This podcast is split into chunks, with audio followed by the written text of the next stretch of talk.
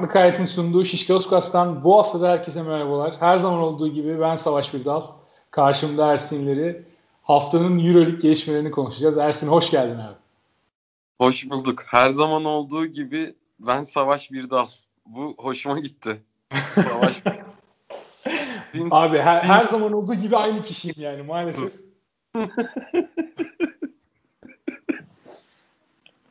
Savaş 30 yaşa e, bir senen kaldı. Bir senem değil abi iki ayım kaldı. Niye lan sen 92 değil misin o? Hayır ben 91'liyim. Aa ben seni hep 92'lisin diyordum. Yok 92, abi ben 92'lisin boş ver. Haziran ayı itibariyle işte e, 30 yaşı dolduruyor olacağım. Gel 30'lar kulübü gel. Bekleriz. Yani çok da bir fark olacağını zannetmiyorum. Çok Vallahi büyütülecek, büyütülecek bir şey yok ortada. 22-23 yaşından beri yaşadığım hayatta hiçbir fark olmadı ya. Çok değişmiyor. Yani ben de çalışmaya başladığımdan beri hep aynı terenli abi. O yüzden çok da büyük bir değişiklik olacağını zannetmiyorum yani. Yok yok olmaz. Oyuna, boş atmaya, maç izlemeye, full agresyona devam diyorum. Katılıyorsan. Katılıyorum. Katılıyorum. Savaş Birdal 30 yaş özel yayını. Dur bakayım ben buna şimdiden kendime hazırlayayım ya. Ee, şeyle birleştireceğiz. Şişkauskas 3 yaş özel yayını ve e, benim 30. yaşımı kutlarız artık. Yasemin'in penceresi gibi bir anda kapıdan içeriye Mahmut Tuncer girecek. Küs olduğum bir arkadaşını getireceğim. Mumu da açacağım arkada. Valla son hafta senaryosu bol ama yani kadroların durumuna göre, takımların durumuna göre de sonuçları sürprizsiz geçti. Katılıyor musun? Yani katılıyorum açıkçası. Biraz öngör, öngörülen gibi geçti. Hani Fenerbahçe'nin ben biraz daha direnç göstermesini beklerdim. Ee, saha avantajı ihtimali varken bu kadar kötü bir Fenerbahçe beklemiyordum. Real Madrid favoriydi maça gelirken. Ona kesinlikle katılıyorum. Ama Fenerbahçe biraz saldı gibi bir durum oldu. Yani çok, çok kötü oynadı. Yani saldı demeyeyim de. E, Veseli'nin de yokluğunda. Hiç geçen hafta Barcelona maçında o fena savunma yapmayan Fenerbahçe'de görmedik. Onun dışında yani e, maçlara bir genel bakıyorum. Bir tek çok ortada olan bir maç vardı. Valencia-Baskonya maçı. Zaten playoff'taki son takımın da kaderini belirleyebilecek bir maçtı. Orada da Valencia ağır bastı. Çok da ortada geçti zaten maç beklendiği gibi. Aynen öyle. Yani Zenit bir kazaya uğramadı. Yani Maccabi diyorsun sağ solu belli olmuyor. Acaba bir şeyler olur mu? Ama Üçüncü, onlar da çok evet, rahat. üçüncü çeyrekte bitti maç. Ee, onlar da çok bir sıkıntı çıkaramadılar Zenit'e. E, Barcelona Bayern maçında haberler önceden gelmeye başlamıştı. Barcelona çok işte e, ana rotasyonuyla oynamayacak. Gasol ilk 5 başlayacak. Zaten maç günü de işte Mirotic, Oriola ve e, Higgins'in kadroda olmayacağı haberi geldi. Barcelona ilk çeyreği çok böyle alışılmışın dışında bir rotasyonla oynadı. Yani Bolmaro'ya çok fazla şans tanıdılar. Sergi Martinez çok fazla oynadı. İşte normal zamanda süre almayan yani Pustovic'ine kadar herkes oynadı. Bayağı geniş bir rotasyonla oynadı Saras. Orada da Bayern ana rotasyonuyla ağır bastı açıkçası. Yani zaten Wade Baldwin'le e, Jalen Reynolds ikisi de şahane bir maç oynadı. E, o maçtan da bahsederiz. Efes Milano maçında da bence çok beklenenin dışında bir şey olmadı. Yani Efes için bu maçın bir manası kalmamıştı. O yüzden Ergin Ataman çok fazla risk etmedi. O da geniş bir rotasyonla oynadı. İşte Plyce'e çok fazla şans verdi. Zaman zaman Burahan, Doğuş, normal sezonda pek görmediğimiz oyuncuları görme şansı bulduk Efes'te de.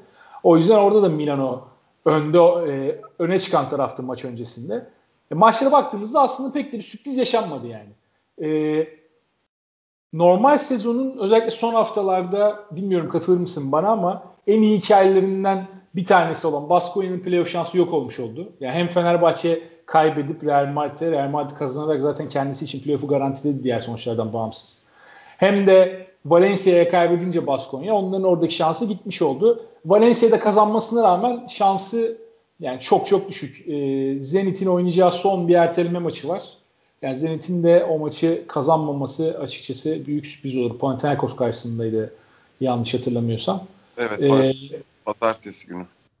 Evet yani Zenit de o maçtan ya Zenit o maçta büyük bir kazaya uğramazsa son playoff e, bileti de Zenit'e gidecek.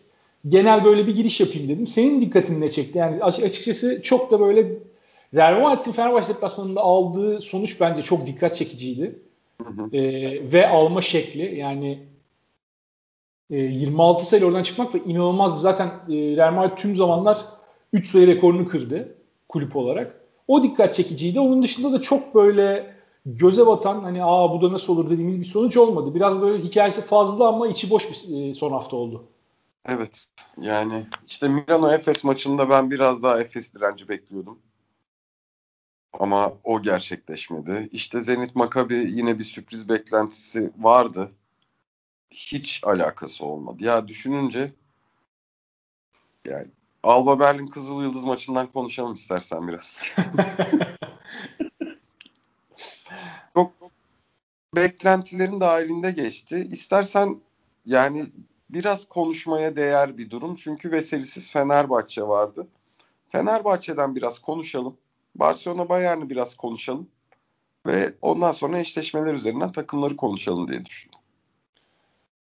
Abi başlayalım Fenerbahçe Real Madrid maçıyla. Ya Fenerbahçe e, beni hayal kırıklığına uğrattı. Beni performanstan ziyade yani sahaya konulan efordan ziyade beni biraz koçun tercihleri burada hayal kırıklığına uğrattı.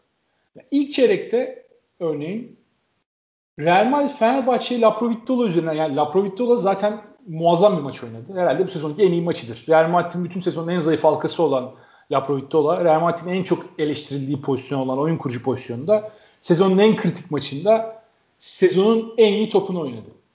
Yani burada ama bence Fenerbahçe'nin Real Madrid pick and ve e, alçak post oyunlarının savunma şeklinin de yani en az Laprovittola kadar etkisi var. Şimdi ilk çeyrekte Fenerbahçe öyle bir başladı ki maça. Mesela Laprovittola'ya karşı Fenerbahçe perdenin altından geçerek başladı. Yani tamam Laprovittola e, çok iyi bir şütör değil. Sezonu %35 civarıyla geçiyordu bu maça kadar. E, bu maçta 6'da 4 attı ama yani orada e, biraz Fenerbahçe'nin bence Tavares'e karşı ekstra önlem alma e, korku mu diyelim artık bilmiyorum tedirginlik mi diyelim. Tavares'in yarattığı o tedirginlik özellikle Vesen'in yokluğunda Fenerbahçe'yi e, Real Madrid'in asıl güçlü olabileceği taraflardan taraflara karşı efor sarf etmekten biraz uzaklaştırdı. Yani Real Madrid tamam Tavares önemli bir oyuncu. Bir Tavares, şey bir de buna e, artı bir de almaya çalıştığı önlemi de başaramadı. Yani pota altında inanılmaz bir dominasyon vardı Real Madrid.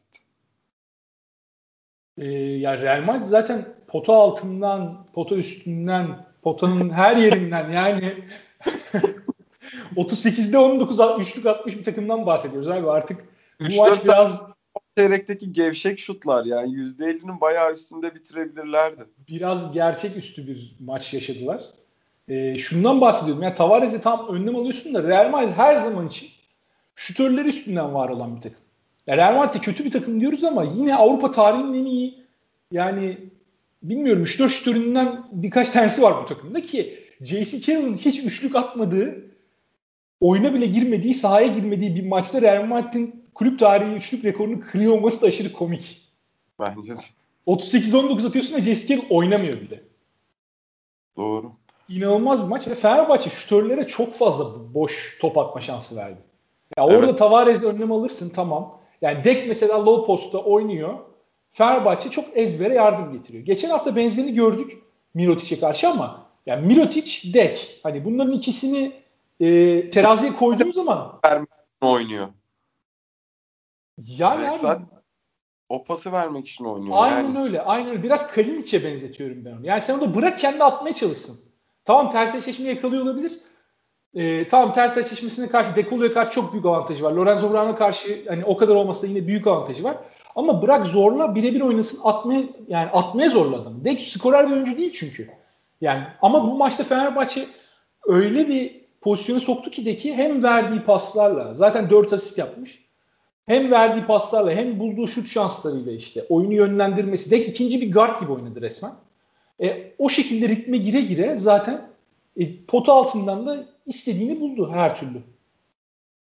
Ya burada Fenerbahçe'nin ilk çeyrekte özellikle verdiği o avantaj ikinci çeyrek e, de buna dahil e, bir devamlık vardı orada çünkü savunma şekli olarak. E, çok fazla switch yaptı Fenerbahçe. Real Madrid'in en fazla istediği şey de buydu zaten. Orada mismatchleri yakaladı. Dribbling üstünden yaratamayan kısalar e, ama forvet pozisyonlarında dek gibi oyuncular mismatchleri bulduğu zaman e oradan deldiler de deldiler Fenerbahçe savunmasını. Üçüncü çeyrekte Fenerbahçe bir seri yakaladı. Çünkü üçüncü çeyrekte Fenerbahçe normal roll savunmasına döndü. Laprovittola, Tavares pick and roll'unu bu sefer kısayı kısanın üstünde tutmaya çalışarak savundu. Switch yapmadı.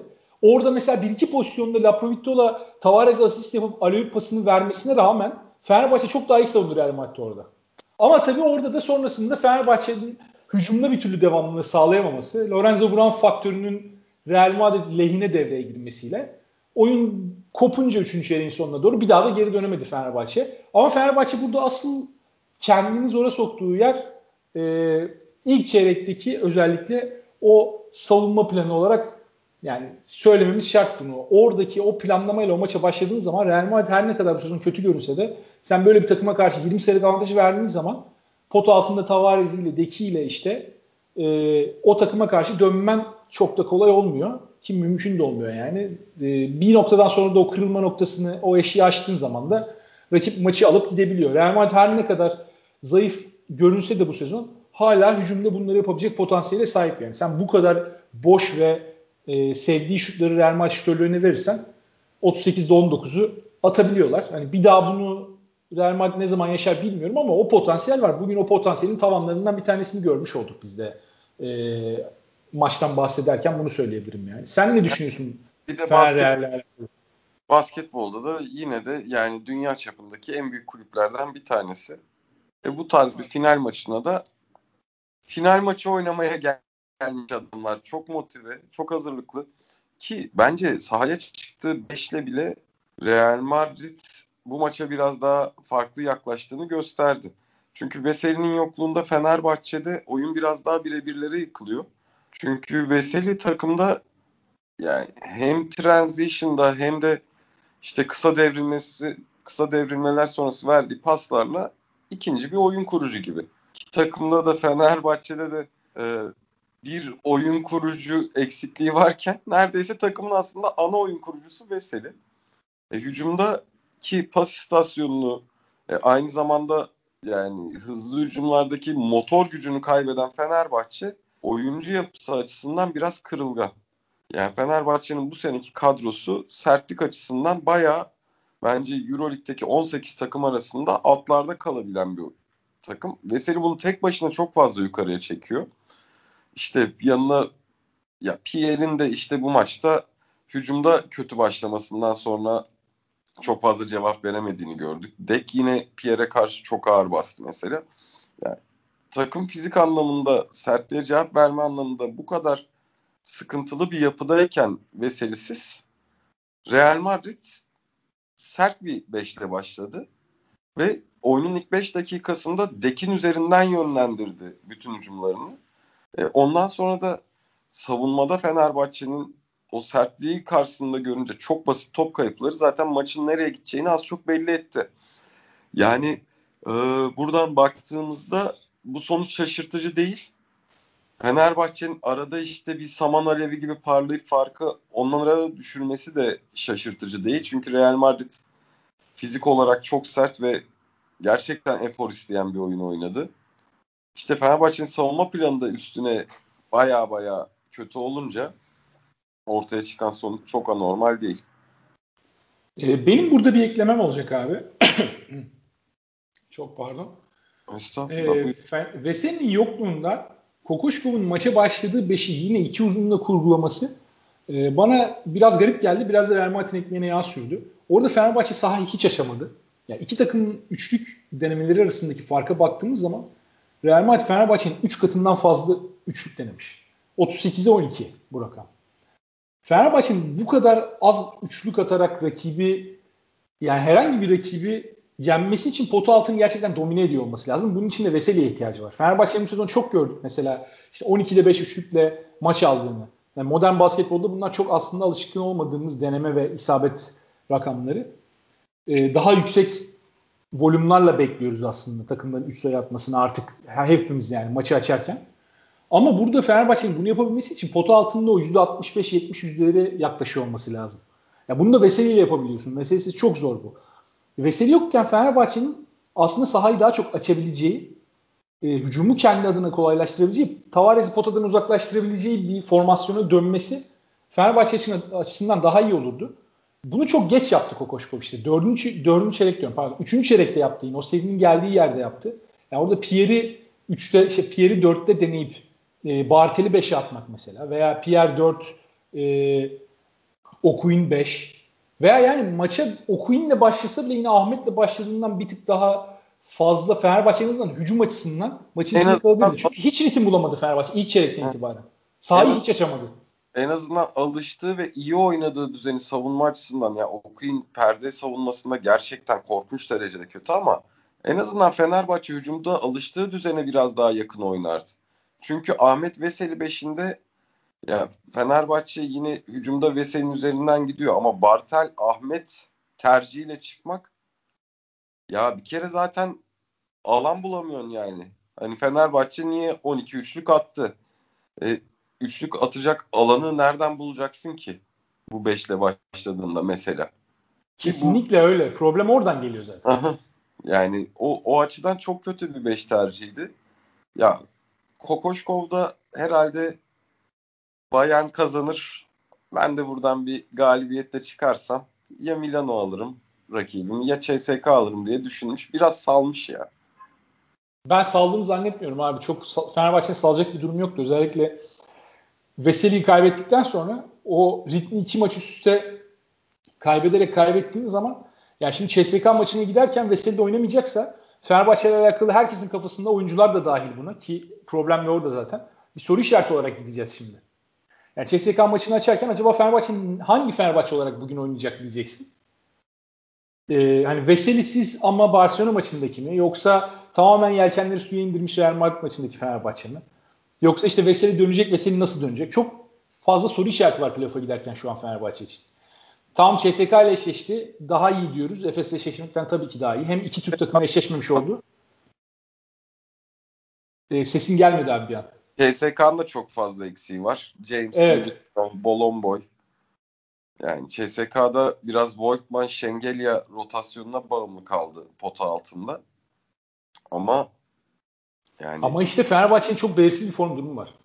Yani CSK ya uzunlarda işte hani Voigtman'ın ayak çabukluğu diyeyim Şengelya biraz kolay faal yapabiliyor. Üzerine gittiğinde e, bazen bundan yararlanabiliyorsun diyeyim ama işte CSK'nın bir de bunlara verdiği Clyburn desteği var. Yine Clyburn de bu Fenerbahçe kadro yapısında panzehir oyunculardan biri. O yüzden epey zor Veselisiz. Bayağı zor ya. Vesesiz ben şu an CSK'ya bir adım öne yazarım. Yani Vesesiz bence... İki adım. Çok zor bir seri bile geçireceklerini düşünmem. Veseli yokken. Ya ben Vesesiz de olsa en az 4 maç diyorum bu seriye. Yani ikinci yarısında Veseli'nin döndüğü bir seri bence 5 maçtan aşağı bitmez. Ama çok ortada bir seri olacağını düşünüyorum. Yani haftaya serileri daha detaylı konuşacağız. Hı hı. Ee, ama Real Madrid hazır bu hafta izlemişken ve e, yani Real Madrid'de hiç, hiçbirimizin beklemediği bir şey oldu. Gabriel Dek 39 dakika sahada kaldığı maçın ardından Lasso herhalde şey demiş yani ben bunu zaten göndereceğim iadesini yapacağım sonuna kadar kullanayım bari demiş. Böyle e, davet için falan böyle elbise alırsın, şey alırsın, takım alırsın sonra iade edersin ya. Yani Deki öyle kullandı resmen Lasso. E böyle olunca e, insanın aklına da Şimdi şey sorusu geliyor yani bu Real Madrid bütün oyunu Dekin üstünden yönlendirdi Fenerbahçe karşısında. E şimdi nereye sıçacaklar yani Efes? Hakikaten öyle bir pozisyona geldi artık. Guard yok diyorsun tamam Dekin üstünden yönlendiriyordun. E Fenerbahçe'yi yendin playoff'a girdin. Deki gönderdin. Aslında bu biraz da şunu söylüyor bana. Real Madrid'in Efes serisinden o kadar umudu yok ki. Yani burada Dekin yoluna çok fazla taş koymamışlar. 2 milyon dolar da buyout alacaklarmış. Yani ya da cebe koyuyoruz diye. Hatta euro galiba daha da fazla yani. Ya da işte şey hani yani Dek gitmek de istemiştir abi o da çok şey. Dek gitmek istemiş. Dek gitmek istemiş çünkü Dek'e e, sanıyorum yani Real Madrid aldığım çok üstünde bir para vermiş Oklahoma. Oklahoma'nın da cap durumu rahat. Zaten çok bir iddiası olan takım değil. Yeniden yapılanmalı onlarda. E, Dek de gitmek istemiş tabii haliyle böyle olunca. Real Madrid bir karşı teklif yapmış sanıyorum ama yetmemiş tabii. Yani e, Real Madrid'in burada çaresiz kaldığı bir anda sezon ortasında ikinci oyuncunu kaybediyor ve playoff öncesi. Çok büyük darbe oldu Real Madrid'e. Lasso'nun e, yani geçirdiği sezon gerçekten adamın artık almadıkları neyi kaldı bilmiyorum. Ki Lulle Rudi de dönmüştü. Aslında Dekin de varlığıyla Real Madrid tekrar bir korkutucu takım imajına bürünmüştü ama. Yani sinir bozabilirlerdi. Bence o ihtimal de çok fazla yok. Yani yine bir onur mücadelesi verebilirler Efes'e karşı. Peki ee, peki neyle ikame edecekler sence? Bu muhtemelen Trey Tompkins oynayacak sabah kadar orada. Garuba. Garuba yine. oynayacak bir de evet. Ama ikisinin de o özelliği hiç yok. Yani posttan oyun yönlendirme özelliği hiç yok mesela. Evet. Yani tamam ikisinin de blok özelliği ama savunmada da yine yani Dekin yaptıklarının yanına yaklaşabilecek halleri yok. Daha böyle 3-4 profilli dörtlere karşı Dek çok daha iyi bir savunmacı. Belki evet. hani posta oynamayı tercih eden 4 numaralar onlardan da çok kalmadı gerçi. Öyle bir oyuncu olursa belki Garuba daha iyi olabilir orada ama yataydaki çabukluğu Dekin çok daha iyi. Singleton ve Moerman'a karşı sabaha kadar Dek'i tercih edersin ayrıca. Kesinlikle. Bir de Efes'in sistemi itibariyle Efes çok fazla öyle topu alçak posta indiren bir takım değil. Orada üçlüklere el kaldırman lazım.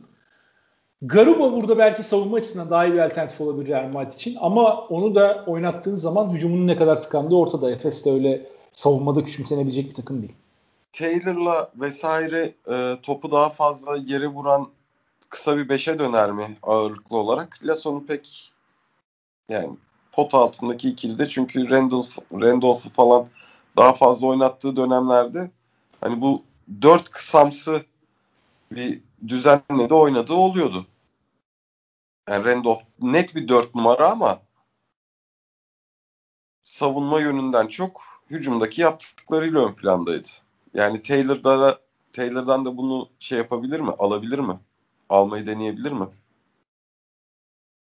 Yani Taylor'dan onu alabilir mi bilmiyorum. Taylor'dan hücumda bir şey almak e, gerçekten zor. Çok istikrarsız o da hücumda. Yani savunma katkısı belki verebilir ama savunmada da Taylor e, Taylor'ı benim kişisel tahminim Taylor'ı Misic üstünde tutacaktır. Çünkü en iyi eşleşme o. Yani Taylor da en çok Misic'i rahatsız edebilir. Orada bol bol tutmaya çalışacaktır. E, ama tabii Larkin'e kimi verecek? Larkin karşısında kim durabilecek? E, Laprovitola'yı Larkin sahadayken bu kadar oynatabilecek mi Lasso? Onu göreceğiz. Yani çok fazla şansı da yok Lasso'nun burada. Alternatif de yok elinde. Yani Allosen'i falan oynatacak hali de bilmiyorum oynatabilir. Belki savunmada biraz dinamizm getirsin. Ne olmaz. Belki bozar mozar Larkin'i diye.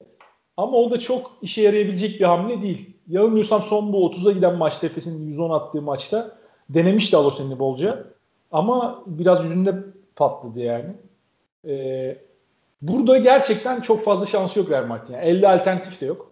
Şimdi benim tahminim belki böyle tempoyu arttırabilecek kısa beşlere dönerek Efes'in e, maçı kaosa sürükleyip böyle Efes'i biraz bozabilirler. İşte Tavares'le tempoyu çok fazla düşürüp yine tam ters yönde e, maçı çok sertleştirip biraz bozabilirler ama Efes'in iki gardından yani Taylor hadi bir tanesini verdim Misic'i biraz yavaşlatabilir. Ama diğerinin karşısında kalacak hiç kimse yok yani. Larkin için bence çok çok rahat bir seri bu. Ya da çok tem- rahat oynaması gereken bir seri. Tempoyu Real Madrid'in düşürebilmesi için Efes'in kötü bir şut yaşaması lazım. Kötü bir seri yaşaması lazım Efes'in. Onu da hiç zannetmiyorum. Yani Efes en fazla bir tane kötü maç yaşasın. Yani Efes'in kötü dediğimiz maçlarında bile Efes 10 sayıyla falan kazanabilir. Öyle, öyle bir durum var şu an. Abi çünkü şöyle de bir durum var ya. Efes'in bence en iyi özelliği tempoyu tamamen istediği gibi ayarlayabilmesi. Hiçbir şekilde rakibine tempoyu ayarlamasına izin vermiyor. Çok işte bir Bayern maçında gördük onu. Ee, ama onda da yine oyun temposu Efes'in çok istemediği bir şekilde gitmiyordu. Sadece çok fazla mücadele yoğunluğu vardı maçta. Hakemlerin de bir şekilde baştan itibaren sertliğe izin vermesiyle. E Bayern de o tempoda istediği oyunu, kavgacı oyunu bulabildiği için bir şekilde götürdü işi. Şimdi Real Madrid'e baktığında yani işte Tavares ne kadar üstünlük kurabilir ya da bu şut performansı aynı seviyede gidebilir mi?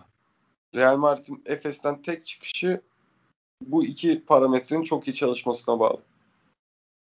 Abi Efes'in tempoyu kontrol etmesi Efes durumunda aslında şundan kaynaklanıyor. E, şut kaçırmıyor. Ya bu, bu şekilde hücum ettiğin zaman tempoyu otomatikman kontrol etmiş oluyorsun. Basket olduğu zaman zaten tempo senin kontrolünde oluyor. Sen geri dönüyorsun. Rakip de topu oyuna sokmak zorunda kalıyor. Orada artı 5 saniye zaten kendine bir avantaj sağlıyorsun. E, sen %55 ile %60 ile şut atarsan, rakip savunmayı darma duman edersen zaten tempoyu kontrol altında tutmuş oluyorsun. Tempoyu kontrol altında tutmak e, te, hücum temponu bulamadığın zamanlarda daha zor. Yani hücumdaki o ritmi yakalayamazsan, kaçırmaya başlarsan bu sefer daha zor. Ki aslında Efes'in maçın temposunu kontrol edemediği e, iki tane maç var. İkisinde tam zıt senaryolar gördük. Bayern maçı senin dediğin gibi çok büyük sertliğe karşı Efes biraz e, ipleri elinden kaçırdı. Bayern Münih'e verdi kontrolü orada. İkincisi de Baskonya maçı. Baskonya maçında da tam tersi Efes yine inanılmaz hücum etti.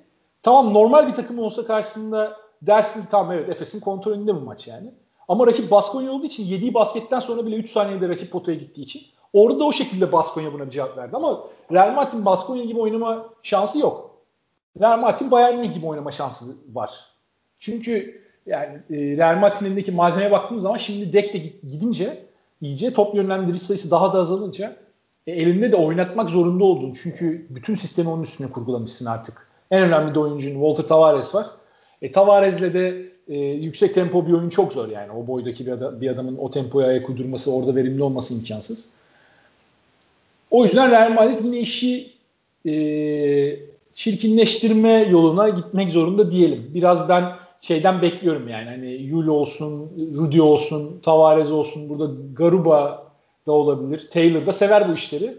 Hani biraz orada sert fauller, e, hakem hakemleri test edecek fauller mesela. Birinciyi yapıyorsun vermedi mi? İkinciyi daha sert yapıyorsun. Verene kadar orada şey yapıyorsun böyle hani eskiden ince ayar olurdu ya şey televizyonlarda, evet. antenli televizyonlarda. O ince ayar yapacaklar. Hakemlerin ne kadar müsamaha göstereceğine bakacaklar.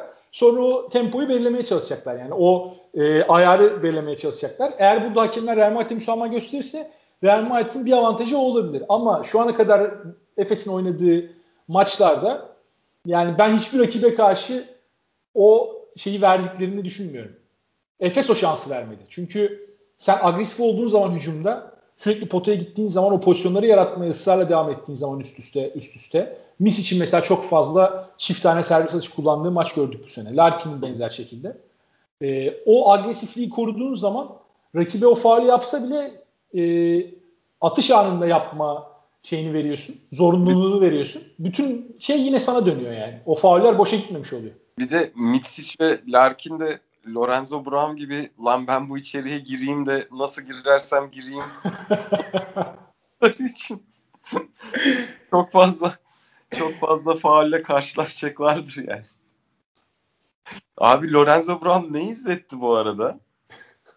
Abi bir şekilde tarif etmeye çalışacağım da bulamıyorum kelimeleri. Yani gerçekten inanılmazdı. Bazı ya. pozisyonlarda böyle e, sineği, sineği görürsün böyle lap diye duvara yapıştırırsın ya. O şekilde yapıştı uzuna ve geri döndü böyle resmen. İnanılmaz gerçekten manasız bir performans. Bizim alt ligde işte 25 sayıyı her maçta vuran şutu iyi ama disiplinsiz gardlar var ya neredeyse her takımda. Ee, Brown onlar gibi oynadı. Ya ben kafama göre takılıyorum. Olursa olur. Olmazsa da canım sağ olsun. Bir daha dedim. Yine yapmam yani. ya böyle şeyler var ya. Hatta en son işte bu kayda girmeden önce de bir tane beyefendiyi gördüm ve tweet attım kendisine alıntıladım. Ee, kendine inan, güven, yola çık, arkana bile bakma. Her türlü zorluğun üstüne git ve yenil. Ve karşında gördüğünde sana sadece el göstersin. Bu bile senin her tarafının dar. Ya abi kaportayı dağıttı her turnikesinde. Çok abi acı. Lorenzo Lorenzo Brown maçtan önce biraz fazla LinkedIn gönderisi okumuş. Evet. Yani... ya mesela şeyde sen hatırlıyor musun? E, maçı izlerken İhsan Hoca şey demişti. Ya bu takım anca düzen dışına çıkarak yenersin. Lorenzo Brown'a ihtiyaç var. Ama mesela oradaki kastedilen bu değildi bence ya. Ya bu arada ben maçtan sonra baktım. Maç sırasında hiç bakmamıştım. Lorenzo Brown 16 sayı atmış olması inanılmaz bir şey. 16 sayı atmış abi. İnanılmaz bir şey bu. Nasıl oluyor bu? Nerede attı yani 16 sayı? Oğlum bir ara bir ara topu kimseye vermiyordu ki işte 5 tane turnikenin bir tanesini sokuyordu yani yapacak bir şey. Fark 20'yi geçtikten sonra benim dikkatim çok dağıldı böyle. Telefona falan bakmaya başladım. Belki oralarda birkaç tane atmıştır diye şey yapıyorum. Dur ben de Varsayıyorum. yüz, yüzdesine bakacağım ben de. Hemen yüzdesine bakalım. Yani çok böyle aşırı rezalet bir yüzde değildi yanlış hatırlamıyorsam. Doğrudur ama yani şeyleri kaçırdıkları, blok yedikleri vesaire. 13'te 6 ikilik abi. Üçlük isabeti yok. 2'de 0. 13'te yüzde 40 ve 13 iç- içeriden şey iki sayılık atış bölgesinden kullandı 13'tün 13'ü de turnike galiba. Bir tane orta mesafe denedi onu hatırlıyorum. Full pota Bu arada da. Yani e, şimdi şeyi böldük ama yani Guduric'ten iyiydi yine bence. Guduric hiç sorumlu kalmadı. Diyeyim istiyorsan e, Efes'e dönelim. Yarıda bölmüş olmayalım. Yani Ee, Guduric de almadı ama ya savunma sertliği çok fazla Dekolo ve Guduric'e yoğundu. Ki hatırlıyorsun ilk yarıda da maçın yarısında Dekolo da performans olarak bayağı kötüydü. Maç biraz rahatladıktan sonra istediği alanları bulabildi. Çok yoğunlaştı bu ikisinin üzerine savunma. Ya Gudur için de Evet. işte topla yaratma durumunda biliyorsun yani maalesef şey olarak yani hücumdaki kötü özelliklerinden en temel özelliklerinden bir topla yaratıcılığı zayıf maalesef. Yani topu bir şekilde drive ederken koltuğunun altına alıp öyle bırakması lazım. Çok böyle triklerle kendine şut yaratabilen bir oyuncu değil. Ama CSK'ya karşı farklı bir oyun oynayacaktır diye düşünüyorum. Guduric'e çok güveniyorum ben CSK serisinin. Daha iyi bir seri Guduric için CSK serisi. Bence de katılıyorum ben de sana. Ee, peki abi şimdi Efes Real Madrid'den devam ediyoruz. Burada ya Efes'te ön plana çıkacak bir numaralı oyuncu Larkin'i dışarıda bırakarak söylüyorum. Hatta Larkin'le Misic'i dışarıda bırakalım. Hı hı, İkisi de bence çünkü artık takımın bir A'sı bir B'si. hı hı. Efes'te seriyi sürükleyecek oyuncu sence üçüncü oyuncu kim olur? Moerman. Moerman. Mı diyorsun? Evet. İşte Simon yine mesela pozisyonu ve oyuncu yapısı itibariyle Real Madrid savunmasının sindirebileceği türden bir oyuncu. İyi oyuncu maçlar olacaktır ama Simon açısından zor bir seri bence. Yani şeyi Fener Real Madrid maçının sonucunu gördü. Demiştir ya. Ulan şey yani Fener gelsin diye en çok Simon dua etmiştir. Evet Simon için Fenerbahçe çok daha rahat bir eşleşme olabilirdi. Evet. e, Simon'dan o kadar beklemiyorum. Sertaç Tavares'e karşı çok iyiydi. e, son maçta. Ama o bayağı zorlanabilir. Dunstan Dunstan işte ne yapacak? O yine kritik. Dunstan çok kritik aslında. Hani üçüncü isim Moerman olacak ama Dunstan'a da acayip ihtiyaç var. Sence? Ee, ya ben Sertaç diyeceğim. Sertaç Efes'i sürükler hani bu ikilinin arkasından manasında değil de daha ziyade şey bakıyorum. Ee, Sertaç'ın performansı bence Efes'in ana aktörlerinin dışında en kritik olan oyuncu performansı olacak. Çünkü Sertaç e, Efes Real Madrid'i darmadağın ederken çok iyi oynamıştı mesela. Tavares'i dışarı çekmeye devam etmesi lazım. Yani Efes'in Tavares'i bir şekilde dışarı çekmeye devam etmesi lazım. Burada Plyce'dan da katkı alabilirlerse o da çok önemli olur. Ee, ama şu ana kadar bu sezonu çok daha iyi geçiren bir Sertaç var. Sertaç'tan eğer o katkıyı almaya devam ederlerse Efes için Efes için çok daha kolay bir seri olur bence. Sertaç Tavares'e gel gel yapamazsa Tavares bu seferler bu sefer Larkin ve Misic'e gel gel yapacak. Aynen öyle. Tam olarak bu zaten formül. Yani serinin formülü bu Efes adına. Real Madrid adına da bu. Real Madrid orada e, bir şekilde o çözümü bulmaya çalışacak. Tavares'i nasıl potu altında tutabilirim? Tavares'i potadan uzaklaştırdığınız zaman savunmada Tavares'in bir manası kalmıyor çünkü. Sen eğer Sertaç'ı orada riske edebilirsen ki bu sezonki Sertaç'ı riske etmenin ma- manası ve mümkünatı yok. Sertaç'ı orada riske edebilirsen veya Efes'i riske edebileceğin bir eşleşmeye zorlayabilirsen belki orada bir şansı olur. Doğru. Savunmada Larkin'i ve Misic'i yavaşlatma açısından. Öteki türlü çok zor. Haftaya biraz daha detaylı konuşuruz. Evet haftaya eşleşmeleri daha detaylı konuşuruz. Abi bu planımızda yoktu ama şu an aklıma geldi. 18 ee, takımı bir puanlayalım mı be? 10 üzerinden sezon puanı mı diyorsun? Evet. Aç abi. Güzel çok puan. güzel abi. Açıyorum puanlarını. Harika bence. Çok çok iyi etkinlik. Hepsine de kısa kısa yorumlarımızı basalım. Teşekkürümüzü edelim ya da bir yuh diye bir sövelim sayalım ve bu şekilde ilerleyelim. Evet abi sondan başlıyorum. Evet. Sondan başlıyorum. Evet. E, 4 galibiyet 30 mağlubiyetle Kimki Moskova. Burada sen kaç verirsin bilmiyorum ama ben çok da fazla bir açıklama gereği duymadan 0 puanla yollayacağım Kimki'yi. Ee, Valla bir ilk önce Kimki'nin 4 galibiyetini düşünüp önce bir sigaramı yakmak istiyorum Savaş. Bir saniye. Kimki'nin 4 galibiyetini kime karşı aldığına şu an bakmam lazım. Bir tanesi Real Madrid bunu biliyoruz. Diğeri Kızıl Yıldız. Diğeri Zenit. Ve evet. abi Kimki, Kimki deplasmanda Zenit'i yendi ya. Şaka gibi. İzlemiştim ben o maçı. Sonuncusu da zaten 2 hafta önce Asfel'i yendiler. Evet. Asfel, Real Madrid, Kimki ve Kızıl Yıldız. Vallahi. Şey, pardon Zenit ve Kızıl Yıldız. Çabuk kabullendiler. Ee, hemen saldılar. Oyuncuları da yolladılar. Şivet eğleniyor. Hepimiz eğlenelim dediler. Çok güzel bir sezon geçirdiler. Bu yani hani olur ya böyle insanın bir sene boyunca yattığı dönemler. Çok güzel yattı Kimki. O yüzden Kimki'ye puanım 8.5. Peki abi bir sonraki takımımıza geçiyorum. Kızıl Yıldız 17. bitirdi sezonu. 10 galibiyet 24 mağlubiyetle. Kızıl Yıldız'a ne diyorsun? Kızıl Yıldız bir sene başında e, Lloyd'un iyi performansıyla bir şeyler oluyor mu bu takımdan dedirtti. Ama ondan sonra kötü de oynadılar sezon boyunca ki izletecek bir şey de sunamadılar çok fazla. O yüzden bir veriyorum Kızıl Yıldız. Ee, Kızıl Yıldız sezon başında gerçekten ilk 5 maçta 3 galibiyet ve yendiği takımlar da içeride Baskonya, deplasmanda Asfer, sonra içeride CSK. Kızıl Yıldız'ın 3 galibiyeti. CSK Üç. maçta inanılmazdı. Evet evet. Ee, sonrasında yendikleri takım da Milano. Deplasmanda Milano'yu da yendiler. O da 9. haftada.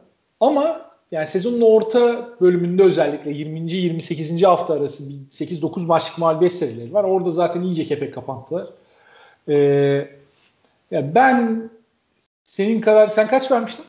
Bir buçuk. Bir buçuk mu? Senin kadar acımasız olmayacağım. Bu kadronun potansiyeli bence yüksek değildi zaten. Ben e, 4 veriyorum. 4 tamam. Evet. Peki Panathinaikos'ta devam edelim. Çok garip bir sezon. Guardsız geçen bir sezon. Point guard Howard Sermos oynayarak geçen bir sezon. Sezon sonuna doğru gelen Hezonya. Orada işte iki maç oynayıp bir maç fena oynamayıp sonra altı maç oynamayan bir Nedovic. Yunan yine çekirdek ama isteğini pek verecek gibi durmuyor da. İşte Papayannis'i, Papa Petrus'u, e, aklıma Keşke. gelmeyen ve fazla aklıma kendilerini getirmek için de pek bir marifetleri olmayan diğer Yunan oyuncular.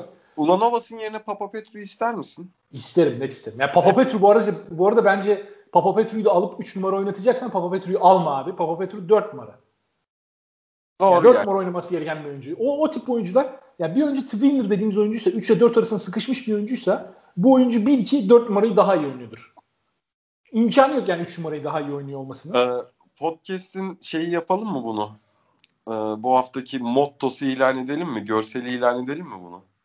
Ya bir çok şimdi iddialı konuşmak istemiyorum da. O oyuncu dörttür. Abi nokta. Budur. Yani hakikaten hakikaten öyle. Özellikle Euroleague'de böyle. Çünkü NBA'de de böyle aslında. NBA'de de genelde böyle evet. Ya çok fazla böyle artık e, dört dışarıda bir içeride tarzı oynanan sistemler olduğu için o tip oyuncular 3 numarada ağır kalan oyuncular oluyor genellikle. 4 numarada rakibini ekart edebilen işte e, dışarıdan perimetreden içeri saldırabilen oyuncular oluyor. Oralarda kullanmak o yüzden çok daha mantıklı. Panathinaikos'a puanın kaç? Panathinaikos'a puanım abi biraz Kataş'la yükseldi benim puanım burada. Yani normalde 2 verirdim ama e, 3 vereceğim Panathinaikos'a. Ben de 2,5 veriyorum.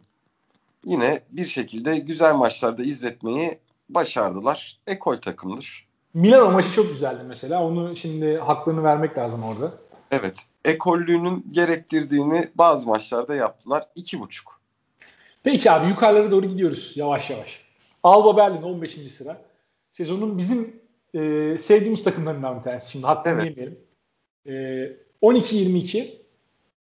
E, ne diyorsun sen? Sana vereyim bu sefer ilk, sefer, ilk sözü. Valla yani bugün şey vereceklerse e, Sigma'yı vereceklerse 10. Vermezler. Vermeyeceklermiş gibi. Sen puanını. Ee, Valla ya şey değil işte bu bu seviyeler bu kadro yapısıyla bu kadar galibiyet almak bence çok büyük başarı. Ve her maçta bir şekilde aynı düzen içerisinde oynuyorlar. Kendi kadro seviyelerindeki takımlara karşı genelde ağır bastılar. Ya bu da o oynadıkları güzel oyunun getirisi onlara. Ee, o yüzden 6 veriyorum. Ben bir adım ileri taşıyorum. Bir adım değil de yarım adım diyelim. Ben 6.5 vereceğim. Ee, sezon içerisinde çok fazla kazanabilecekleri maçları kaybettiler. Yani daha yüksek de verirdim. Bu kadro için bence de bu alınabilecek iyi galibiyet sayılarından bir tanesi. Yani bu kadronun tavanı muhtemelen. Ama o tavanı da yükseltebilirlerdi. Biraz mesela bir tane verdikleri Bayern Münih maçı var. Nasıl veriyorsun abi o maçı? İmkansız yani. Verilmez. Verilmeyecek maçı verdiler. O yüzden ben biraz puan kırıyorum. Yani biraz şeye benzetiyorum aslında. Oyun tarzı olarak çok benzemiyor da Trinkier'in Bamberg'i de böyleydi. Hep böyle sonuna kadar getirip e, sonunda bir şekilde o maçı rakibe verirdi. Çok fazla öyle maç kaybetmişlerdi zamanında. Ona benzetiyorum biraz ve o açıdan e, yani potansiyellerini aşmış olduklarını düşünüyorum. Potansiyellerini en azından gerçekleştirdiler. O yüzden 6.5'la uğurluyorum ve e, Fransa'ya doğru geçiyoruz. Tony Parker'a ve e, Asvel'e 13-21'lik sezonlarıyla kaç puan veriyorsun? Valla bir kere kardeşinin koç yapması uyuz ediyor. Uyuz eden bir şey. Ama kardeşin koç yaptıktan sonra oynadı abi Asvel ne oynadıysa. Öyle ama yine de ben buna uyuz oldum. Yani, yani bana liyakat şeyini sorgulattı biraz Tony Parker bu sezon. Evet sonuçta. Acaba böyle pardon abi kıyıda köşede böyle keşfedilmemiş kardeşler, amcaoğulları, dayıoğulları falan var mı böyle diğer TJ Parker kadar yetenekli? Valla bizim Orhan da bizim Orhan da işte hani ben aracı olmuştum birlikte çalışmaya başladığımızda inanılmaz bir performans sergiliyor yaptığı işte. Hani şimdi ulan kimi eleştiriyorsun, kime aracı oluyorsun denebilir. ve şu an Orhan üzerinden gittim ve Tony Parker'da kendimi gördüm. Helal olsun Tony Parker. Ben bunu böyle düşünmemiştim. İyi ki kardeşini getirmişsin.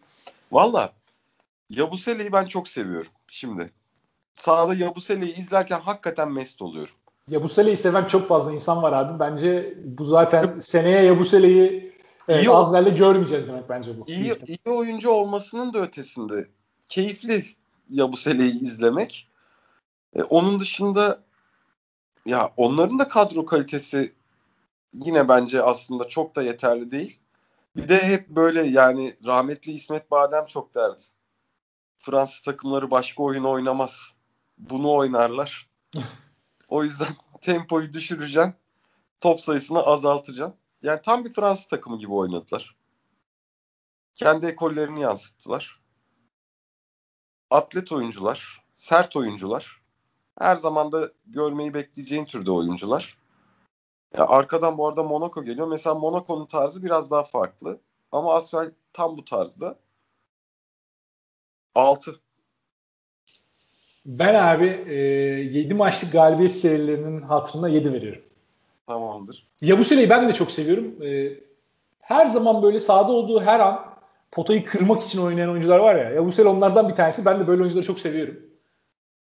E, açıkçası üstlerindeki takımların bence hiçbirinden kadroları iyi değildi. Kesinlikle. Bunu kesinlikle söyleyebilirim. Belki Zalgiris burada şerh düşebileceğimiz yer. Zalgiris'ten kadroları belki yani kıyaslanabilir olabilir en azından ama onların elinde mesela Grigonis gibi bir oyuncu yoktu Asya'nın elinde. Ya bu sene burada ya bu sene iyi oyuncu ama sezon içinde çok fazla yükseldi mesela. Evet çok dalgalanma yaşadı bir de. Kendini bulması zaman aldı yani. Bütün sezon aynı standartla oynamadı. Ee, burada o yüzden ben Asvel'in de üstüne düşeni yaptığını düşünüyorum. Hatta bir ara playoff potasına kadar yaklaşmışlardı. O üst üste galibiyetlerle. Sonrasında tekrar aşağılara doğru gerilediler. Ama Asvel projesi Tony Parker yönetiminde e, hızlı bir yükselişte olmasa da adım adım bence gitmek istediği yere doğru gidiyor yani. Bu takım Euroleague'de hani playoff'u kovalayacak bir takım olabilir hissiyatını bana veriyor bir 2-3 sene içerisinde hemen olmasa da. Diyelim sezonun büyük hayal kırıklıklarından bir tanesi. 14. 13. sırada bitiren sezonu Maccabi. E, 14 galibiyet 20 mağlubiyet. E, geçen sene yanılmıyorsam lig Covid nedeniyle iptal olduğu an Maccabi 4. sıradaydı. Yanlış hatırlamıyorsam. Yani bu sezon kaybettikleri en önemli oyuncu Omri Kaspi. Onun yokluğunu bence hiçbir şekilde dolduramadılar. O diş sakatlığından bir türlü dönemedi zaten. Ee, bir Zizi çeklemesi var. Ama ondan da ne aldılar? Hani çok böyle büyük bir değişik yaptı mı? Yani istatistiklerini yaptı, potu altında oynadı falan ama maçların gidişatını çok değiştiren bir oyuncu olmadı. Ya, Maccabi, Bender de aynı şekilde. Maccabi'nin guard rotasyonu bence arkada Zizic'i kaldırabilecek bir rotasyon değil. Ve Maccabi'ye ya bu şekilde bir planlama yani Zizic'in hücumda vereceği katkıya kanıp bence bu eklemeyi yaptılar. Zizic sevdiğim bir oyuncu ama çok fazla işte bir anda ortanda ortada önden arkadan deliğin var ve bu deliği kapatacak performansta sergileyecek oyun kurucuların yok. Bazen delirip çılgın skorlar üretselerdi. Makabi'ye puanım sezon başı planlamasındaki bu defodan kaynaklı 3. Abi Zizic gerçekten enteresan bir vaka. Yani Zizic biraz bana şeyi andırdı ya. Böyle tutku açığını arayan bir Luxa Andric'i hatırlattı bana Zizic. Yani Wilbeck'in Zizic ikilisi hakikaten çok alakasız bir ikili. Yani Wilbeck'in tamamen olmuyor. Kime abi pardon? Chris Jones. Evet evet yani Chris Jones da. Bence Chris Jones bu arada çok hani Türkiye'den çıktı, Bursa'dan gitti falan diye insanların böyle yumuşak bir noktasında Türkiye'de işte nasıl kaçırılır böyle önce Bursa'dan Euroleague'e gitti falan diye de ben bu sezon hiç beğenmedim Chris Jones'u. Mahallemizin çocuğu. Tam Süper Lig seviyesi için gerçekten iyi guard ama Maccabi seviyesi için çok yetersiz. Ya potaya düşük çizgisinin yerisinden bakmıyor adam ya. İyi bir yedek bence. Yani abi pas vermeyen oyunculara ben uyuz oluyorum ve bir guardsa bu özellikle de. Hem Will Beckham var kendi takımında hem Chris Jones var. İkisi yani birini çıkarıyorsun ötekini sokuyorsun yine kimseye vermiyor topu. Ben o yüzden çok beğenmiyorum açıkçası. Maccabi'nin guard rotasyonu sorunlu. Şimdi şeyden bahsediliyor. Thomas Volkap'ın geleceğinden bahsediliyor. Ee, öyle bir duyum vardı bu hafta. Twitter'da gördüm ben de. Yani o da ne kadar uyum sağlar bilmiyorum. Zaire sisteminden çıktıktan sonra sudan çıkmış balığa dönebilir belki bir ihtimal. Yani Ulan Ovas şeyi veriyor biraz bana. E, o vibe'ı alıyorum kendisinden. Ama tabii çok iyi savunmacı. Orası kesin. Yani Ulan Ovas gibi değil. Volkap'ı nereye koysan birebir de herkesi iyi savunur. E, bakalım yani Makabi'ye ben de 3 veriyorum. Daha fazlasını hak etmediler. Sezona e, gelecek sezona başka bir koçla da başlayabilirler bu faciadan sonra Sferapoulos'la. Hatta zaten başlayacaklar da bir iki ben de haber okudum. Hatta şimdiden de bir koç değişikliği olabilir. Olympiakos 16-18 ve Kostas Lukas diyeyim. Tam Ercan Taner girişi oldu. Valla ya pota altı en zayıf takım olabilir Euroleague'deki. Alba Berlin'le birlikte. Yani düşünüyorum düşünüyorum ya kazanabilecekleri ne kadar maç kazandılar ya da ne kadar zor maç kazandılar. Ya aklımda nasıl bir Olympiakos kaldı? Valencia'nın çok affedersin bir üçüncü çeyrekte ağzına sıçan bir Olympiakos vardı. O inanılmazdı. Onun dışında aklımda öyle güzel bir hikaye kalmadı. Zaten Barcelona deplasmanı. Doğru bak. Doğru. Orada bir galibiyet. Sulukas'ın Sulukas'ın şov yaptı. Genel olarak baktığında ya Olympiakos'un bu e, bir şekilde oyuncu çıkarayım. Hani bir iki tane iyi oyuncu ki yani Spalins ve Printes hala maliyetli. Ya ben maliyeti e, bulabileceğim Amerikalarla Amerikalılarla ikame etmem gerekir sisteminin artık bir şekilde işlemediği gözüküyor. Bu şeyi değiştirmeleri lazım. 3 ya. Ben Üç. çok haksızlık yaptığını düşünüyorum yani. 16-18 ile bitirdiler. 16-18 ile bitirdiler ve bu kadrodan yani iki galibiyet daha falan çıkardı maksimum bence. işte genel kurulum, kadro kurulumu vesaire. Abi. Sulukas'ın, ya Sulukas diyorum, Spanulis'in Acun'un herhangi bir liginde falan oynuyor olması lazımdı bu sezon. O kadar felaket sahada olduğu anlarda. E, Printez hani biraz daha yiyordu. Zaten 2-3 yaş daha genç. Yani, e, Spanulis'e kıyasla. Orada Sulukas ya Sulukas'ın defoları çok belli. Biz artık ezbere biliyoruz bunları 6-7 senedir. Ama Olympiakos Sulukas'ı alırken artık defolarını bilmediklerinden diyemeyeceğim kesinlikle ama bütçeleri olmadığından muhtemelen Sulukas'ın etrafını Sulukas'ın o açıklarını iyi kapatacak oyuncularla tamamlayamadılar. Hı. Ve Sulukas'ın güçlü yanı olarak görünen hani takımı yönlendirme işte e, topu elinde tutup bütün hücumu kendi üstünden sürükleme özelliği de Sulukas sahada olmadığı zaman iyice sudan çıkmış balığa döndürüyor Olympiakos'u. Yani Sulukas sahada değilken hiçbir şekilde hiçbir şey yaratamıyor Olympiakos. Ki Sulukas sahadayken de Sulukas'ın zaaflarını biliyoruz zaten. Onlardan bahsetmeye gerek yok. Ama yine de bu seviyede playoff kovalayan bir takım için Sulukas iyi bir kart.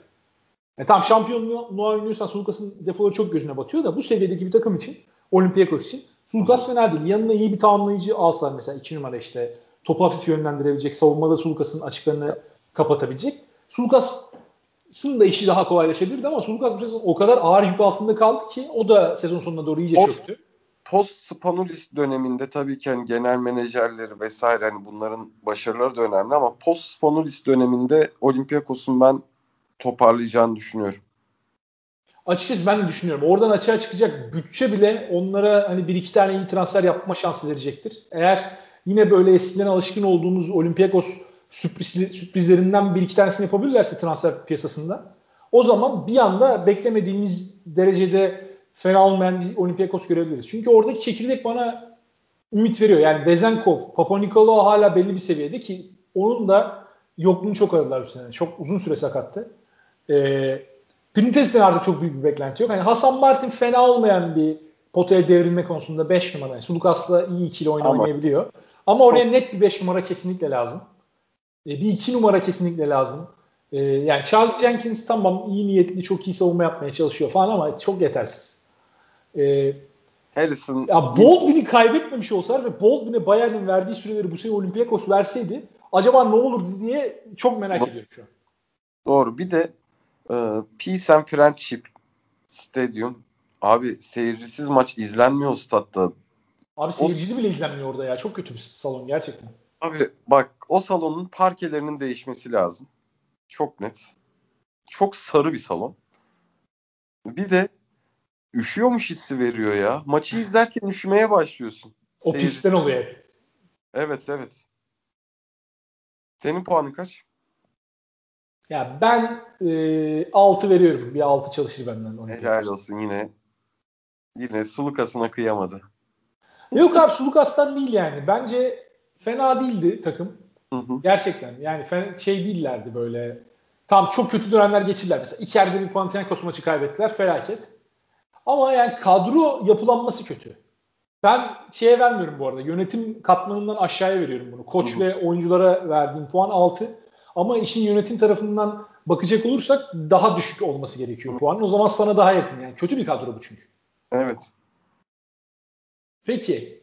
Ee, yavaş yavaş daha keyifli konuşacağımız takımlara gelmeye başlıyoruz. Evet. Zaten daha çok konuştuğumuz takımlar. Burada çok fazla yorum yapmadan da daha hızlı puanlamaya başlarız. Evet. Zalgiris. 17-17.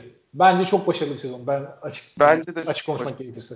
Bence de çok başarılı. Sonuçta yani iki senedir ligde çok iyi iş yapan koçunu kaybettiler.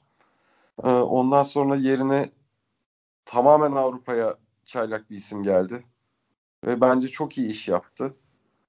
Bir şekilde Grigonis'in yanına ikinci ismi ekleyemedikleri için e, işi playoff'la finalize edemediler ama oynadıkları oyun. Seyircili zamanlarda o özlediğimiz atmosferi bize hatırlattığı maçları. Zagiris'e puanım 7. Ha, 7 niye? O da playoff'u tekrarlayamadığı için. Sonuçta hani son sene playoff yani son oynanan senede playoff vardı. O başarının bir tık gerisinde kaldıkları için puanım 7. 6 ben ya. abi 6 mı? Peki abi, abi senin de notun ne kıtmış be. Sen gerçekten yani. Oğlum, tamam şimdi Zalgiris'e Sıfırcı Ersin yapacağım lakabını. E, Zalgiris'e 10 verdim. Barcelona'ya kaç vereceğim? 300 mü vereceğim mesela? Abi o... beklenti ben Barcelona'ya 10 falan vermeyeceğim abi. Ben beklenti söyleyeyim 8. Şimdiden söyledim bak. Beklentiye göre değerlendiriyorum abi. Ben ben Zalgiris'e 8 veriyorum abi.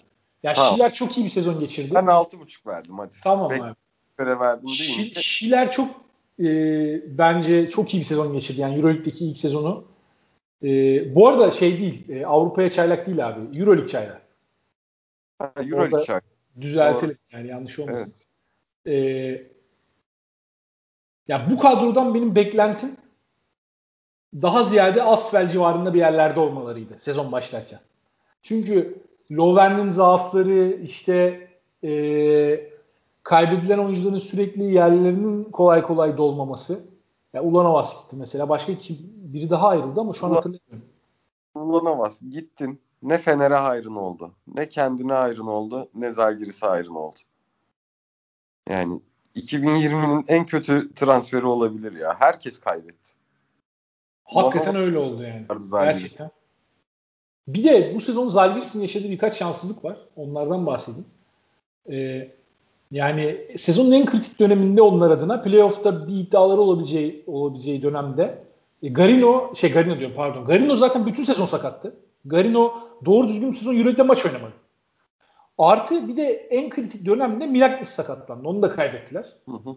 Ee, bir iki Covid vakası da yaşadılar. En son zaten son haftada mesela Nigel Hayes de yoktu. Ee, böyle olunca yani aslında daha da iyi yerde olabilecekleri bir sezonu bir iki sıra aşağıda bitirdiler bence. Playoff'taki son spotu onlar zorlayabilirdi gibi geliyor bana. Yani özellikle Garino'yu e, kullanabilseler bütün sezon. Çok bir de geçen hatta. sezon şimdi şeyden bahsediyorum. Yani geçen sezon kaybettikleri ya yani koç gitti. Üstüne şimdi kadroya bakıyordum. Hatırlayamıyorum artık. Zalgiris o kadar çok oyuncu kaybediyor ki. Zach Lidey gitti. E, Casey Rivers da gitmiş. Hadi Casey Rivers o kadar önemli bir rol sahibi değildi. Yani Zach Lidey ile e, Saras zaten takımın geçen seneki bel kemiğiydi. Yani Lidey en önemli oyuncusuydu belki de. E, Ulanovas tutkal. Ya Ulanovas da işte aynen öyle. O da tutkal görevi gören bir oyuncuydu. Tam bir X faktördü onlar adına. E bunları kaybettiler. Üstüne gelen oyuncular Loven çok hayal kırıklığı sezonların ardından geldi. İşte Nigel Hayes tam Galatasaray'da fena değildi. E, yükselişe geçmeyi bekleyen bir oyuncu olarak geldi ama o da belli profilde bir oyuncu. Çok böyle ön plana çıkmasını beklediğimiz bir oyuncu değildi. Ee, burada bir de çok beklenmedik bir verimi Şiler Lekavicius'tan aldı bence. Çok kritik maçlarda çok iyi e, maçlar çıkardı. Yani Panathinaikos'ta kalsaymış Lekavicius, Panathinaikos e, adına çok daha iyi olabilirmiş. Garsız geçirdiği bir sezonda Panathinaikos'un. Yani Howard Sandmos yerine Lekavicius olsa onlar adına daha iyi olabilirmiş. Burada bir de sezonun notlarından bir tanesi Yokubaitis'i iyice artık rotasyona soktu. Bakalım onunla geleceği nasıl olacak? O da merakla beklediğimiz oyunculardan bir tanesi. Ve son olarak da Grigonis çok iyi bir sezon geçirdi. E, muhtemelen de seneye başka bir takım e, daha bütçeli bir takım formasıyla izleyeceğiz onu gibi duruyor. Olabilir mi?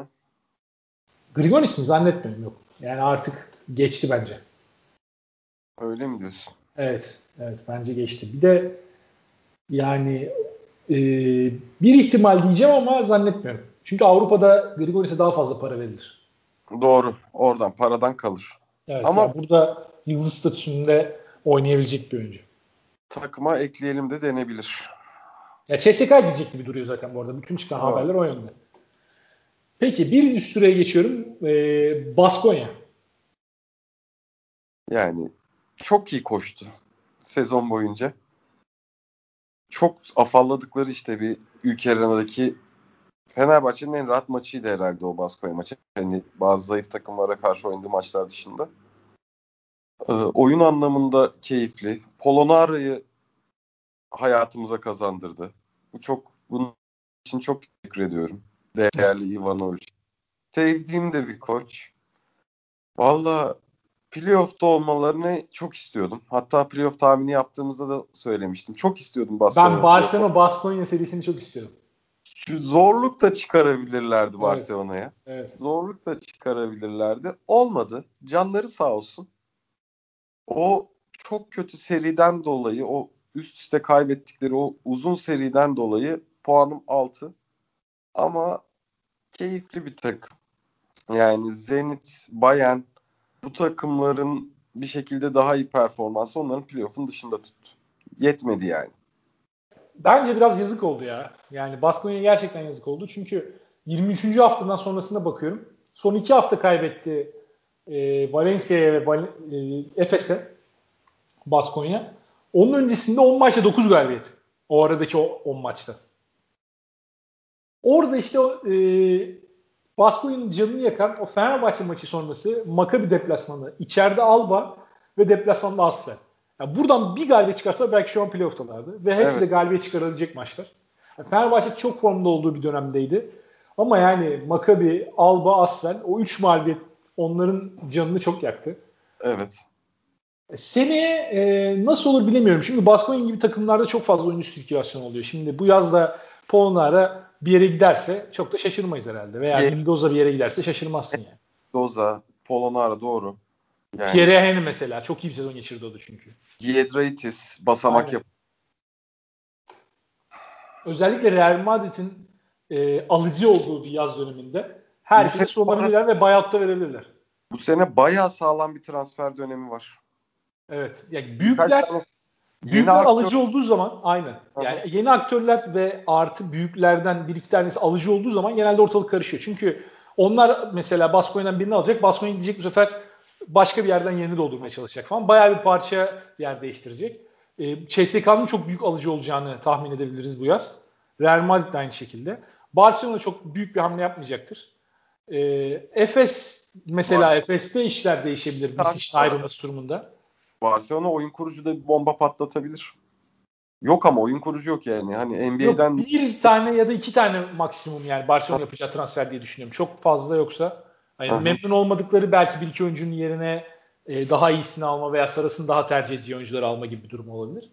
E, Efes de mesela önemli bir guard arayışı olabilir. Misic NBA'ye giderse. Onun da Oklahoma'ya gideceği çok konuşuluyor artık.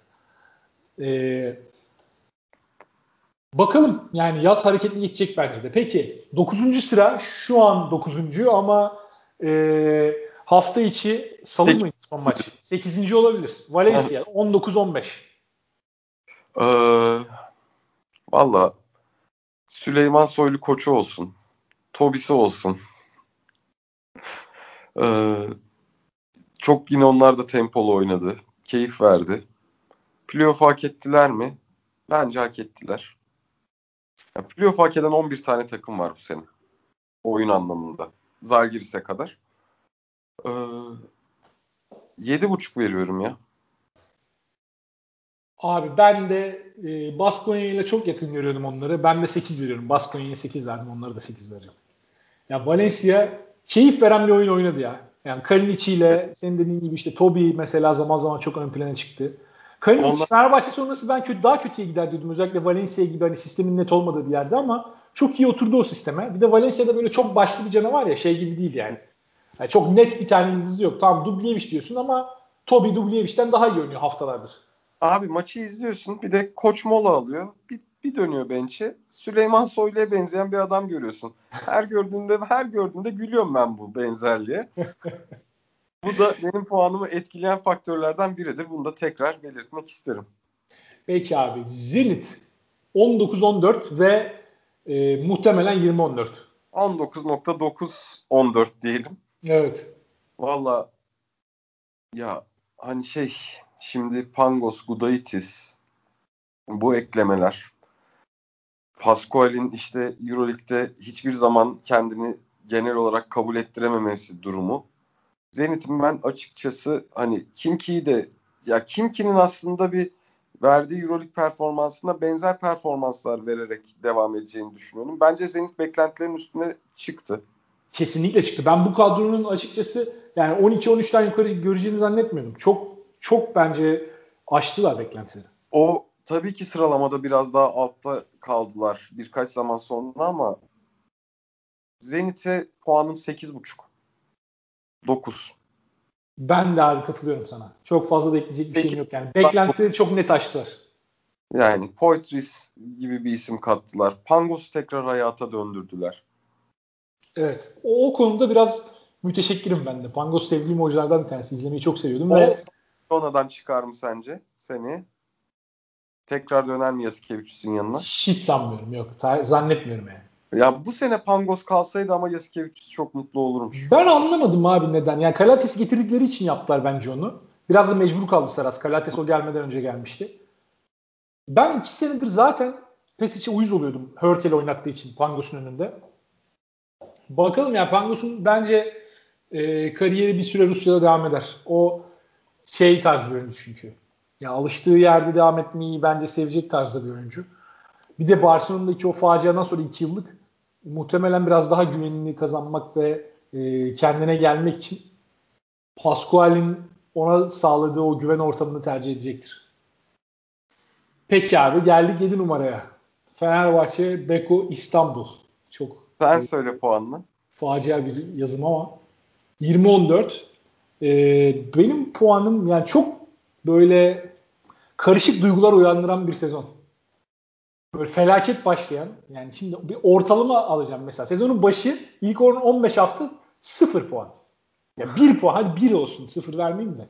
Efes maçının hatırı olsun. Evet Efes maçının ve Makabi deplasmanının hatırına 1 puan. Şimdi sonraki o Efes maçına kadar olan dönem 10 puan. Zaten mağlubiyet yok. Hı hı. Değil mi? Kaç galibiyetti? 11 Hatta, Efes 10 galibiyet Efes üstü Olympiakos bayandı değil mi? Yok ama bence orada oyun temposu düştü Fenerbahçe'nin. O yüzden orayı ayırıyorum. Hı hı. Biraz e, o maçla oraları ayrıştırdım. Şimdi oraya 10 puan verdik. Geri kalan dönemede o mağlubiyetlerin geldiği dönem işte oraya da yani bir 6, 6 falan çalışır ya. Yani son maçlar çok düşürdü puanı. Bayern maçı 8'likti mesela ama Efes mağlubiyeti 10 ya. Bayern e, maçı 7. Efes mağlubiyeti işte Real Madrid karşısındaki felaket oyun. Yani Barcelona maçına çok bir suç bulmuyorum ama oralar biraz düşürdü puanı. E, 17'yi 3'e bölünce kaç yapıyor abi? 6'ya falan geliyor. Yani 5 5 küsürden 6'ya geliyor. Ben e, 7 diyorum Fenerbahçe. Vallahi ben 1907 diyorum öncelikle. Valla yani Obradoviç üzeri Kokoşkov sene başından baktığında ya artık hani bizi her hafta dinleyen ezberledi bu cümleleri. Ben hafta hafta baktım. Ben bu takımdan çok keyif aldım. Ben bu takımı sahada görürken çok eğlendim. Kaybederken de kaybederken de yani derinden Pjanigiani'ye mi dönüyoruz dertlerini yaşadım. Orada da duygu yoğunluğunu çok yaşadım. Kazandığı ve kaybettiği maçlarda duygu yoğunluğunu çok fazla verdiği için taraftar olarak kendilerine hakikaten teşekkür ediyorum. Yani Fenerbahçe'nin bu sezonu benim için teşekküre layık bir sezon. Sezon açısından işte herkese objektif puanladığımız gibi puanlarsam da puanım 6.5. Peki abi. 6.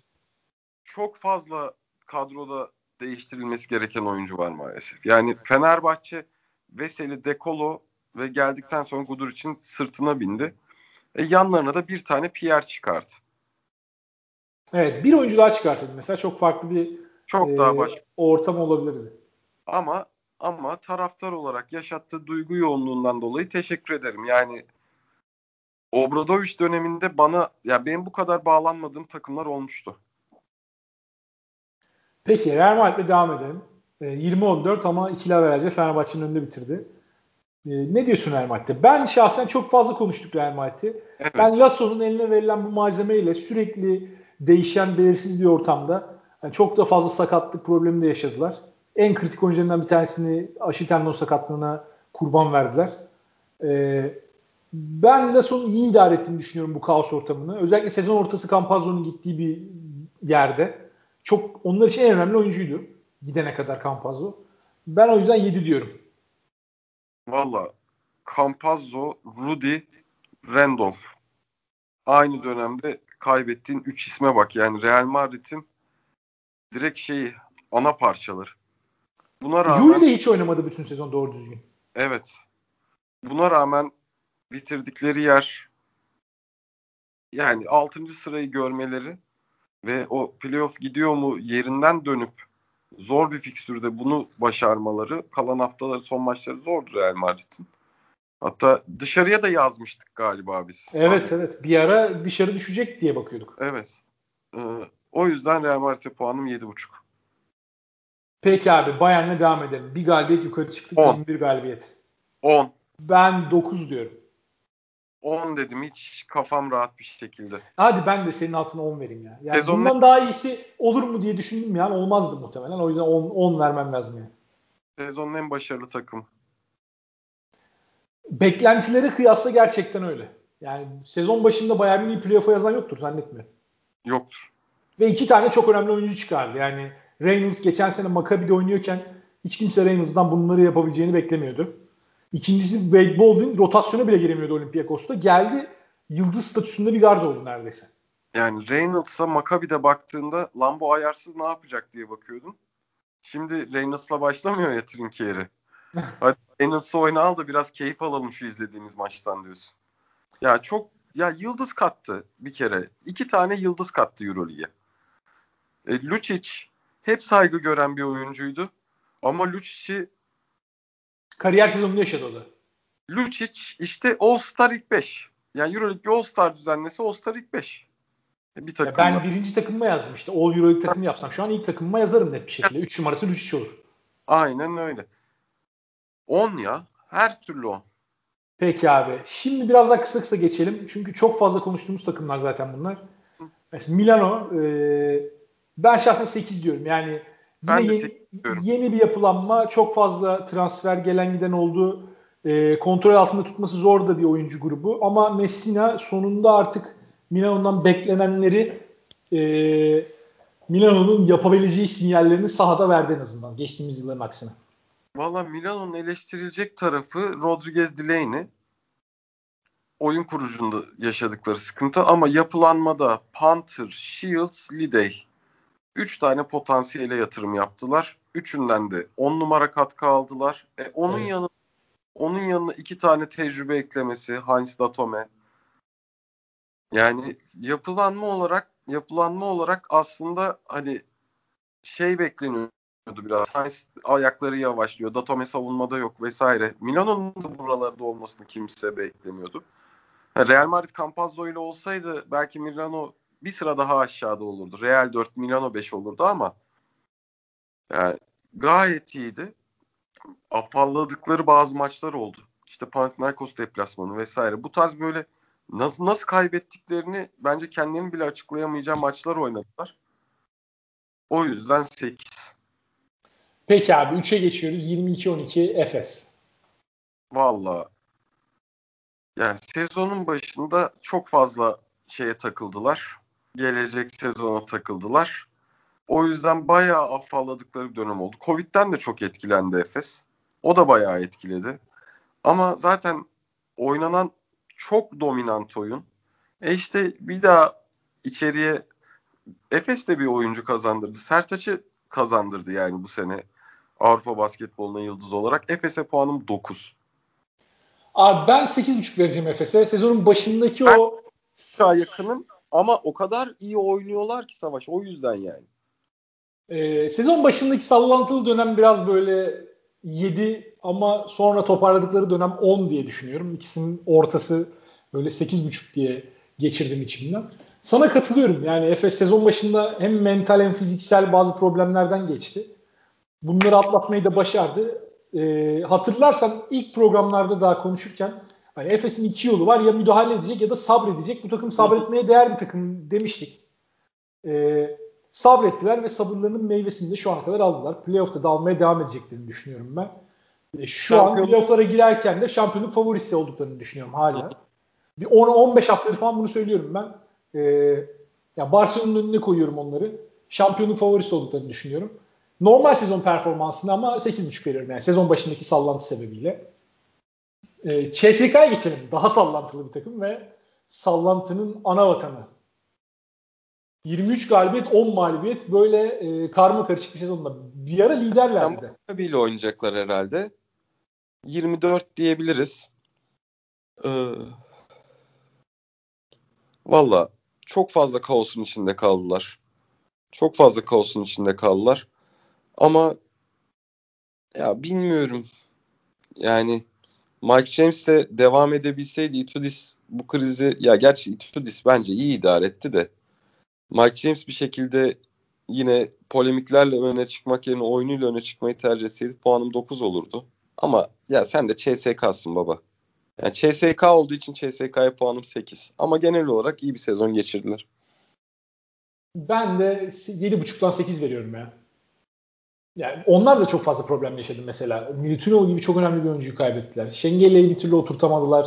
İşte Clyburn'dan yine sezonun önemli kısmında e, istedikleri verim alamadılar. Clyburn sakatlık dönüşü hala eski bildiğimiz Clyburn değil. E, yani bu problemlerle beraber Itudis gemiyi zor da olsa e, doğru yönde ilerletmeyi bir şekilde başardı. Final Four'da yapma şansları hiç az değil hala var. E, Fenerbahçe onlar için de bence fena bir eşleşme değil aslında. Her ne... CSK deplasmanına biz seyircili maçlara gideceğiz.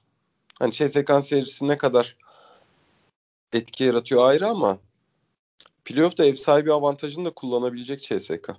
Evet ama orada Fenerbahçe tribünü de olacak bir de öyle bir şey var. Doğru gerçi. bir Son bir çünkü Moskova'da oynanan maçı hatırlıyorsun. Bayağı bildiğin Fenerlilerin tezahüratı duyuluyordu. Antikorlu bir Rusya akar mı be? Yok abi akmaz. Niye lan? ne işimiz var oğlum ya? Gider takılırdık ya. Üst üste iki maç.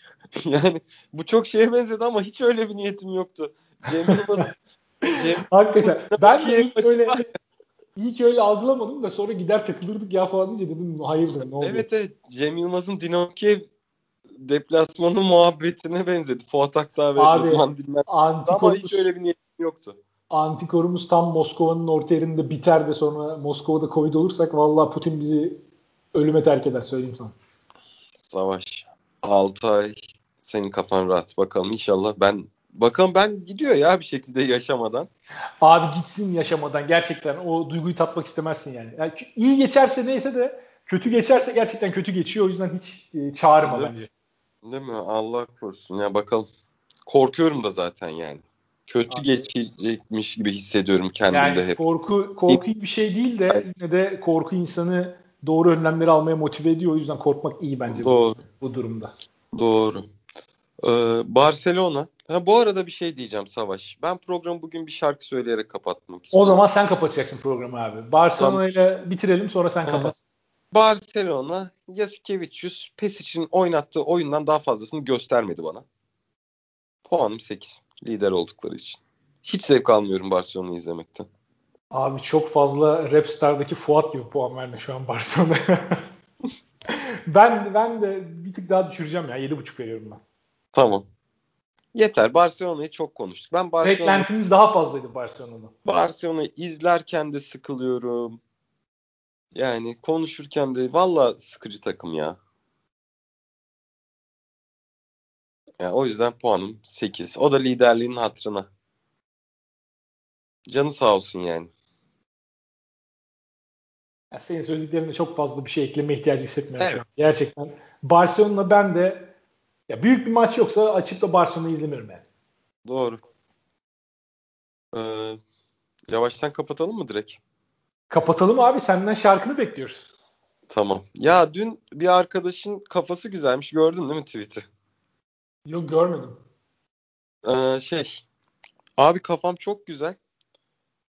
Ee, senin söylediğin bir sensiz sabah olmuyor performansı vardı. Ee, onu dinleyip kafamın güzelliğini yaşamak istedim. Bana atabilir misin dedi. Ben de çok fazla aradım dün gece. Uyuyana kadar aradım. Bir saat sürdü. Bulamadım şarkıyı. Ee, kendisine bu yayın bittikten sonra, yayınlandıktan sonra mesaj atacağım. Kardeşim aç son bir dakikayı döndüre döndüre dinle. Kes loop'u al, istediğini yap. O yüzden kendisi için söylüyorum. Çünkü bana istek şarkı geldi. Yani ulaşabileceğim mecrada burası. O yüzden burada söylemek istiyorum. Hazır mısın? Hazırım. Hiç bu kadar hazır olmamıştım bir şey. evet geliyor. Sensiz sabah olmuyor uyanıyorum ansızın. Sensiz gün doğmuyor ah yalnızım çok yalnızım. Aşılmaz yollardayım bir garip diyardayım. Öyle çok özledim ah doluyor Gözlerim ah yanıyor Bedenim ah yalnızım çok yalnızım. Bu arada yalnız falan değilim yani. Yanık söylendiği için bu şarkı öyle söyledim. ben çok beğendim abi. Çok iyi bir performans gerçekten. Ersin'lere de bu yetenek de varmış dedirtti bana. Böyle hafif perdeli sesinle gerçekten iyi oturuyor yani sese. Oturaklı yani, bir ses var. Normalde yayın başı 3 sigara içerim. Ee, sesim biraz çatallansın. Bu şarkıyı söyleyeceğim için 5 tane içtim. Umarım Bu arada çok anlamıyorum ama çok detone olmadın gibi geldi bana. Hatta hiç olmadın galiba. Çalıştım ben yayından önce. Normalde aşılmaz yollardayım kısmında biraz daha yükselmen lazım ama oralara çıkamıyorum. Onu aşılmaz diye çıkmam lazım ama çıkamıyorsun oraları. Peki abi, abi o zaman şarkımızı da söylediysek yavaştan. Herhalde bu sezon bu kadar eğlendiğimiz bir yayın olmamıştı. Yani puanlama sistemi beni kendimden geçiriyor ya. Bana bir şeyi pu- puanlat. Biz de her yayında aynısını diyoruz yani. Bu yayında çok eğlendik. Ama eğleniyoruz her seferinde de ne yapalım yani. Yok lan geçen hafta çok eğlenmemiştik. Evet geçen hafta çok eğlenmemiştik. Veseli sakatlandığı için modumuz düştü abi. Maçtan sonra yaptık ya bir de. Ya of, Bolmaro. Ya bok mu var sokuyorsun oraya elini ayağını be. Şans yani. abi. Bolmaro'da çok suç bulmak ya, istemiyorum. Ulan, Oluyor böyle şeyler. Ulan Makabi'yi yensen Makabi'yi yensen deplasmanda geleceğiz güle oynaya maç yapacağız döneceksin evine gideceksin. İstanbul'un tadını çıkar ya. Yen abi deplasmanda Makabi'yi. Niye bizi zorladın ya? E, Makabi deplasmanda yenseler şimdi Bayern'e sattıkları maçı geçen hafta Fener'e satmış olacaklardı. Fener de 5. bitirecekti. Yani Barcelona'ya puanım 1 ya.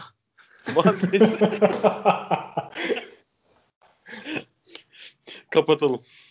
Kapatalım abi. Bu haftalık bizden bu kadar. Haftaya e, daha fazla playoff eşleşmesi ağırlıklı üstüne bir de sezonun en iyi beşlerini konuşacağımız bir program olacak diye umut ediyoruz. Her zamanki günde, her zamanki saatinde. Ee, iyi bir, bir hafta diliyorum size. Kendinize iyi bakın.